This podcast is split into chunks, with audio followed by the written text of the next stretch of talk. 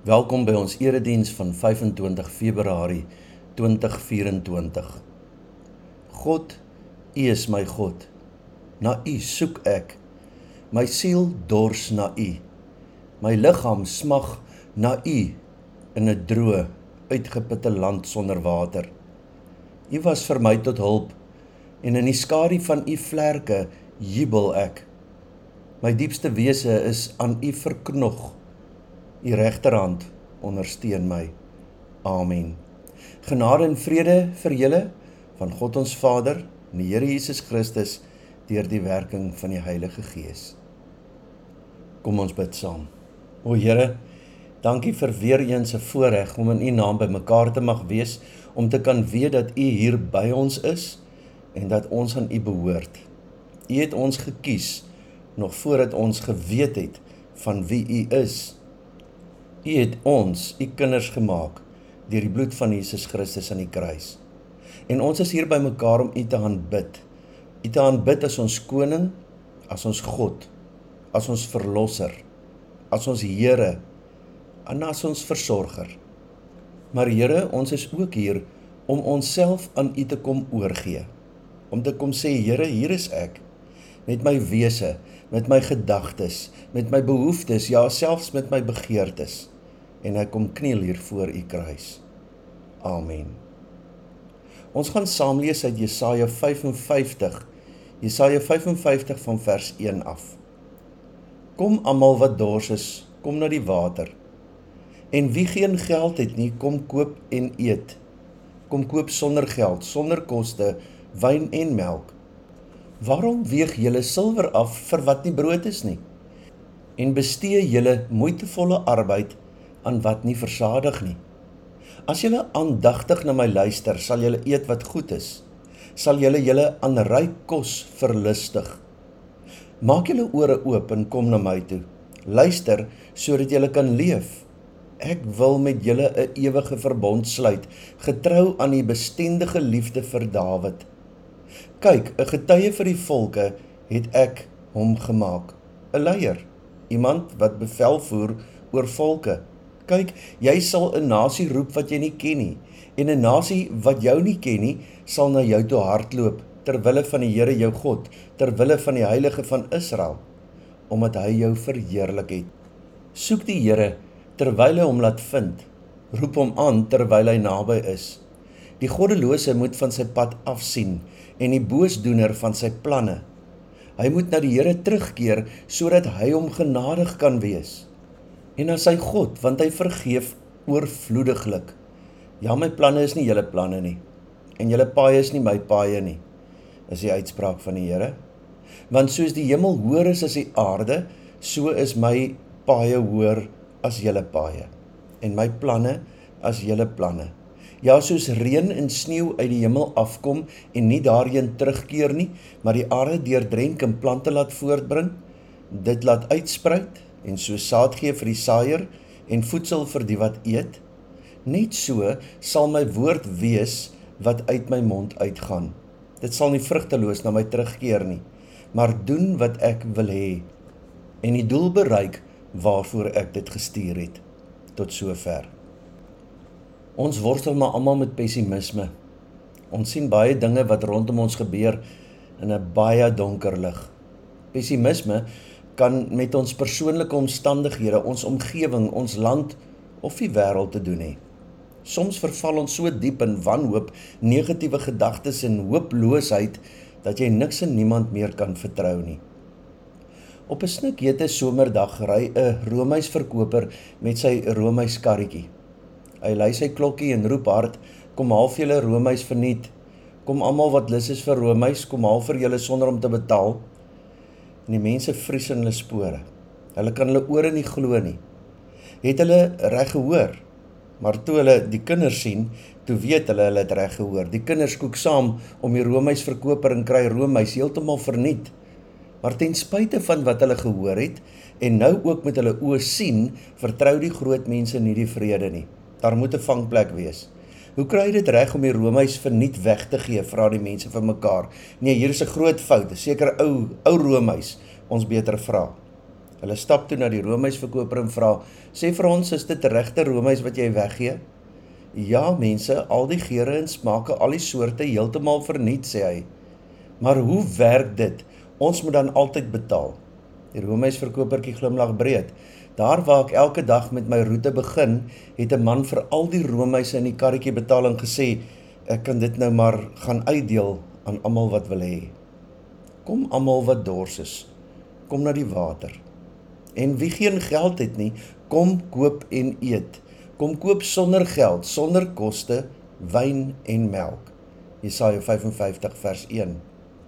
Die Here se genade is soos roomys wat jy op 'n warm somersdag verniet kry. Daar is niks wonderliker as dit nie. Boonop raak die Here se genade nooit op nie. Ons het 'n behoefte om God te verstaan. Maar Jesaja 55 wil ons herinner dat verstaan nie die hoof fokus van ons verhouding met God is nie, maar eerder verwondering en aanbidding. Jy sal nooit God se genade verstaan nie, uitgedink kry nie. Jy kan net daaroor verwonderd staan. God herinner ons in Jesaja 55 dat elke keer as jy dink dat jy weet wat God dink, dink weer. Elke keer as jy glo jou visie van die goddelike plan is duidelik, vryf jou oë. Elke keer wanneer jy oortuig is dat die hele waarheid geopenbaar is, gaan terug om nog te grawe. God doen nie dinge normaal nie. God speel nie volgens die menslike reëls nie. God werk nie volgens menslike beperkings nie. God vergewe wanneer ons nie kan nie. God het lief wanneer ons nie kan nie. God gee wanneer ons dolleeg is. God herstel wanneer ons stikkend is. God loop oor wanneer ons self gerig is. God beloof wanneer ons nie wil commit met oorgawe nie. Dis die Jesus storie. Jesaja se vraag word vandag nog steeds aan ons gevra. Waarom weeg julle silwer af vir wat nie brood is nie en bestee julle moeitevolle arbeid aan wat nie versadig nie? As julle aandagtig na my luister, sal julle eet wat goed is. Julle sal julle aan ryk kos verlustig ons goeders. Alles wat ons elke dag najag, gaan nooit ons geestelike verlange en dors stil nie. Dis hoekom God so anders is, so buite die normale is. Daarom verwag hy van ons, sy kinders, om nie normaal op te tree nie, maar stel hy ons in staat om te vergewe wanneer jy voel jy wil veroordeel, te aanvaar wanneer jy voel om skuld te gee, lief te hê wanneer jy voel om te haat om te gee as jy voel jy wil onttrek, terug te keer as jy voel jy wil weghardloop. Om kind van God te wees beteken om anders en buite die boks te lewe. Ons moet onsself toelaat om die unieke individue te word wat God bedoel het ons moet wees. Wees jouself. Daar is niemand soos jy nie. God is mal oor jou. God self het jou gemaak. God dink jy is 100%. Wat sou gebeur in jou lewe as jy in die spieël sou kyk en sien wat God sien? Hy dink jy's 100%. As jy daaruit leef, is jy gesond. Hou op om te wees wat ander mense wil hê jy moet wees en hou op bekommerd wees oor wat ander mense van jou dink. Beskaafde mense meet ander mense deur dit wat hulle besit en aantrek. Gelowige mense meet mense deur God se oë. Ons is gemaak om uitstaan mense te wees. Daarom dra Christene vrugte buite seisoen. Ons verras mense met ons sagte oë, ons kyk met God se oë na ander. Christene het die lewe lief en lewe die liefde. Want dit is hoe die God is wat ons volg. Waar lê die verskil tussen hoop en wanhoop? Vir Jesaja maak God die verskil. God is vir Jesaja nie koud, klidies en ver nie maar vol liefde en ontferming. God is betrokke by die wêreld en tree aktief op. Jesaja is oortuig dat God in beheer is van die groter wêreldgeskiedenis. En daarom sê Jesaja in hoofstuk 40: Troos, troos my volk. God is in beheer. Die troosboodskap kom aan die einde van 'n woeste en traumatiese tyd in die volk se geskiedenis. Hulle is in ballingskap, hulle is weggevoer, hulle is ontvoer, hulle is ontwortel uit Jerusalem. En Jesaja se boodskap is dat God se teenwoordigheid nou vir hulle bevryding en troos bring. In Jesaja 40 tot 55 het Jesaja die taak om sy gehoor anders te laat kyk na hulle hele situasie. En sodoende oortuig hy hulle dat God nie alleen kan en wil nie, maar dat hy besig is om te red. Hulle moet net die gebeure raak sien vir wat dit is. Altyd deel van God se groter plan van redding en geregtigheid. Dit is God wat deur die opkomende Persiese ryk sy volk gaan red en terugbring. Dit is God wat in die wêreldgeskiedenis dinge laat gebeur en dinge laat verander. God se volk is God se kerk en God se kerk is God se volk. Gelowiges kan daarom vandag nog erns maak met Jesaja se boodskap van hoop en herstel. Verse 1 tot 3 is gelaai met nie minder nie as 12 opdragte. Kom, koop, eet, luister, gee aandag en in vers 1 kom die oproep kom 3 keer voor. Die opdragte behels 'n ongewone uitnodiging.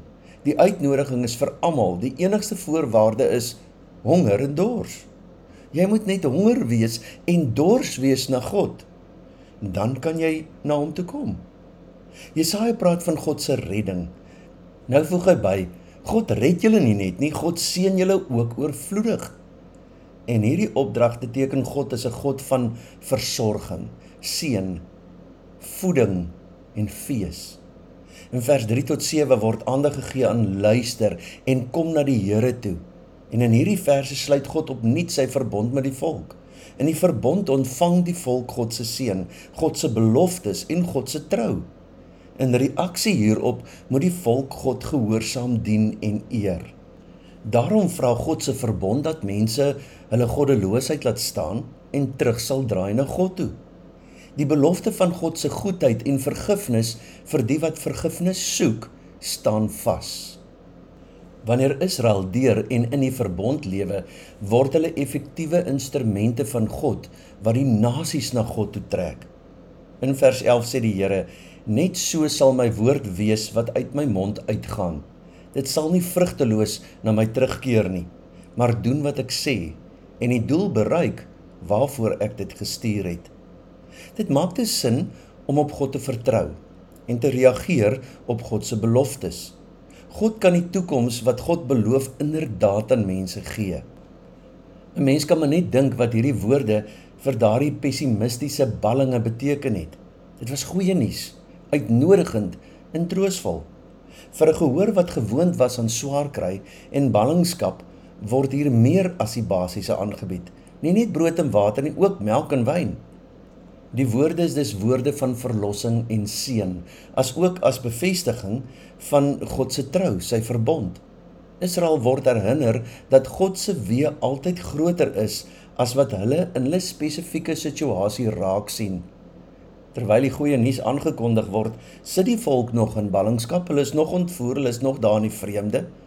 En hierdie uitnodigende woorde wat vertel hoe gratis seën uitgedeel word, werk met die volk se verbeelding.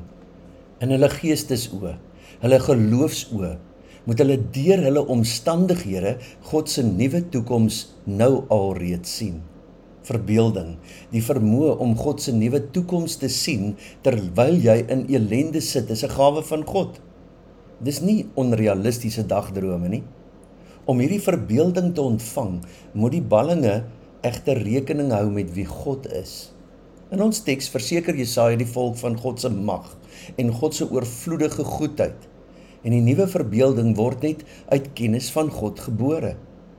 Hulle kan dit waag om op God te vertrou sonder om altyd God se optrede te probeer verstaan. Die ballinge het moontlik die ballingskap ervaar as 'n teken van God se onvermoë. Hulle sou kon dink dat God nie kan red nie. God is alleen. Natuurlik is dit maklik en gerieflik om God te blameer vir al ons omstandighede, vir ons probleme en ons swaar kry. Dit verg nederigheid om toe te gee dat die fout aan jou kant lê. Jesaja herinner hulle vroeër in die boek dat hulle ongehoorsaamheid gelei het tot hulle ellende. Die profeet herinner sy hoorders dat hulle logika en maklike antwoorde nie altyd werk nie. Daarom die klem dat God se gedagtes nie hulle gedagtes is nie, dat hulle situasie kan verander al lyk dit nie vir hulle so nie. God se uitnodiging om seën en beloftes te aanvaar vra vertroue. pessimistiese en siniese mense kan maklik dink daar is iewers 'n hakplek, 'n uitvangplek. Waar is die catch? kan mense vra. Die uitnodiging vra egter vertroue. In ons tyd waar daar nie iets is soos 'n free lunch nie, waar alles iets kos, jy alles se koste moet bereken, glo mense nie uitsprake meer oor God se genade wat gratis is nie. Waarom doen God soveel moeite om die volk uit te nooi? Waarom word die kragtige beelde van gratis genade hier so opgestapel, gekoppel aan opdragte soos om nader te kom en te kom kry? Die gevaar is dat redding aangekondig word, maar dat die hoorders nie die krag of energie het om dit aan te gryp nie. Is hulle nie dalk al verby glo nie? Redding is hier, maar het ons altyd krag vir redding? Watter rol speel verbeelding om weer die gehoor te laat verlang na die nuwe? Die realiteit kon wees dat die jare van ballingskap iets van 'n oorgee laat wortel skiet het by die volk. Dat hulle gefestig geraak het in die nuwe lewe, dat hulle Babelonie, die wêreld aanvaar het. Dat hulle vrede gemaak het met die status quo, die wêreld van nou en daarom nou met ongeloof na die profeet luister. Wat 'n wilde praatjies is dit? vanuit hulle perspektief kan daar nie iets nuuts op die pad wees nie. Wie is God in Jesaja 55? Hy is die gasheer. Hy is die bron van oorvloed. Hy is die getroue een. Hy is die een wat nog kansse gee. Hy is die een wat lewe gee. Hy is die een wat hulle help onderskei tussen goed van waarde en goed sonder waarde. Pessimisme maak nie sin in God se teenwoordigheid nie. Lydenstyd is 'n tyd van losmaak. Wanneer ons weer bewus word hoe vasgevang ons is, nie net in ons behoeftes en ons begeertes nie, maar ook in ons planne, ons agendas en ons opinies. Lydenstyd is 'n tyd van eerlikheid waar mens soms erken dat jy nie God se uitnodiging altyd aanvaar nie. Dat jy nie altyd groter wil kyk nie, dat jy tevrede is met die manier waarop jy jou lewe inrig. Jesaja kom loop in die straat op en af en hy roep: "Kom word verstadig. Ontvang lewe en wees bereid om verras te word, want God se paaie is altyd groter as wat ons ons kan indink." Ons is elke dag ook omring deur advertensies wat gedurig ons aandag aflei. Ons laat wonder oor wat ons nodig het. Ons laat dink dat ons goed wel nodig het wat waardeloos is.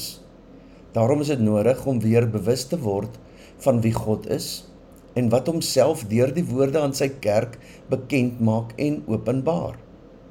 Die God van oorvloed, van getrouheid, van 'n nuwe toekoms en hoop, die God wat ons verras juis omdat sy planne groter is as ons in.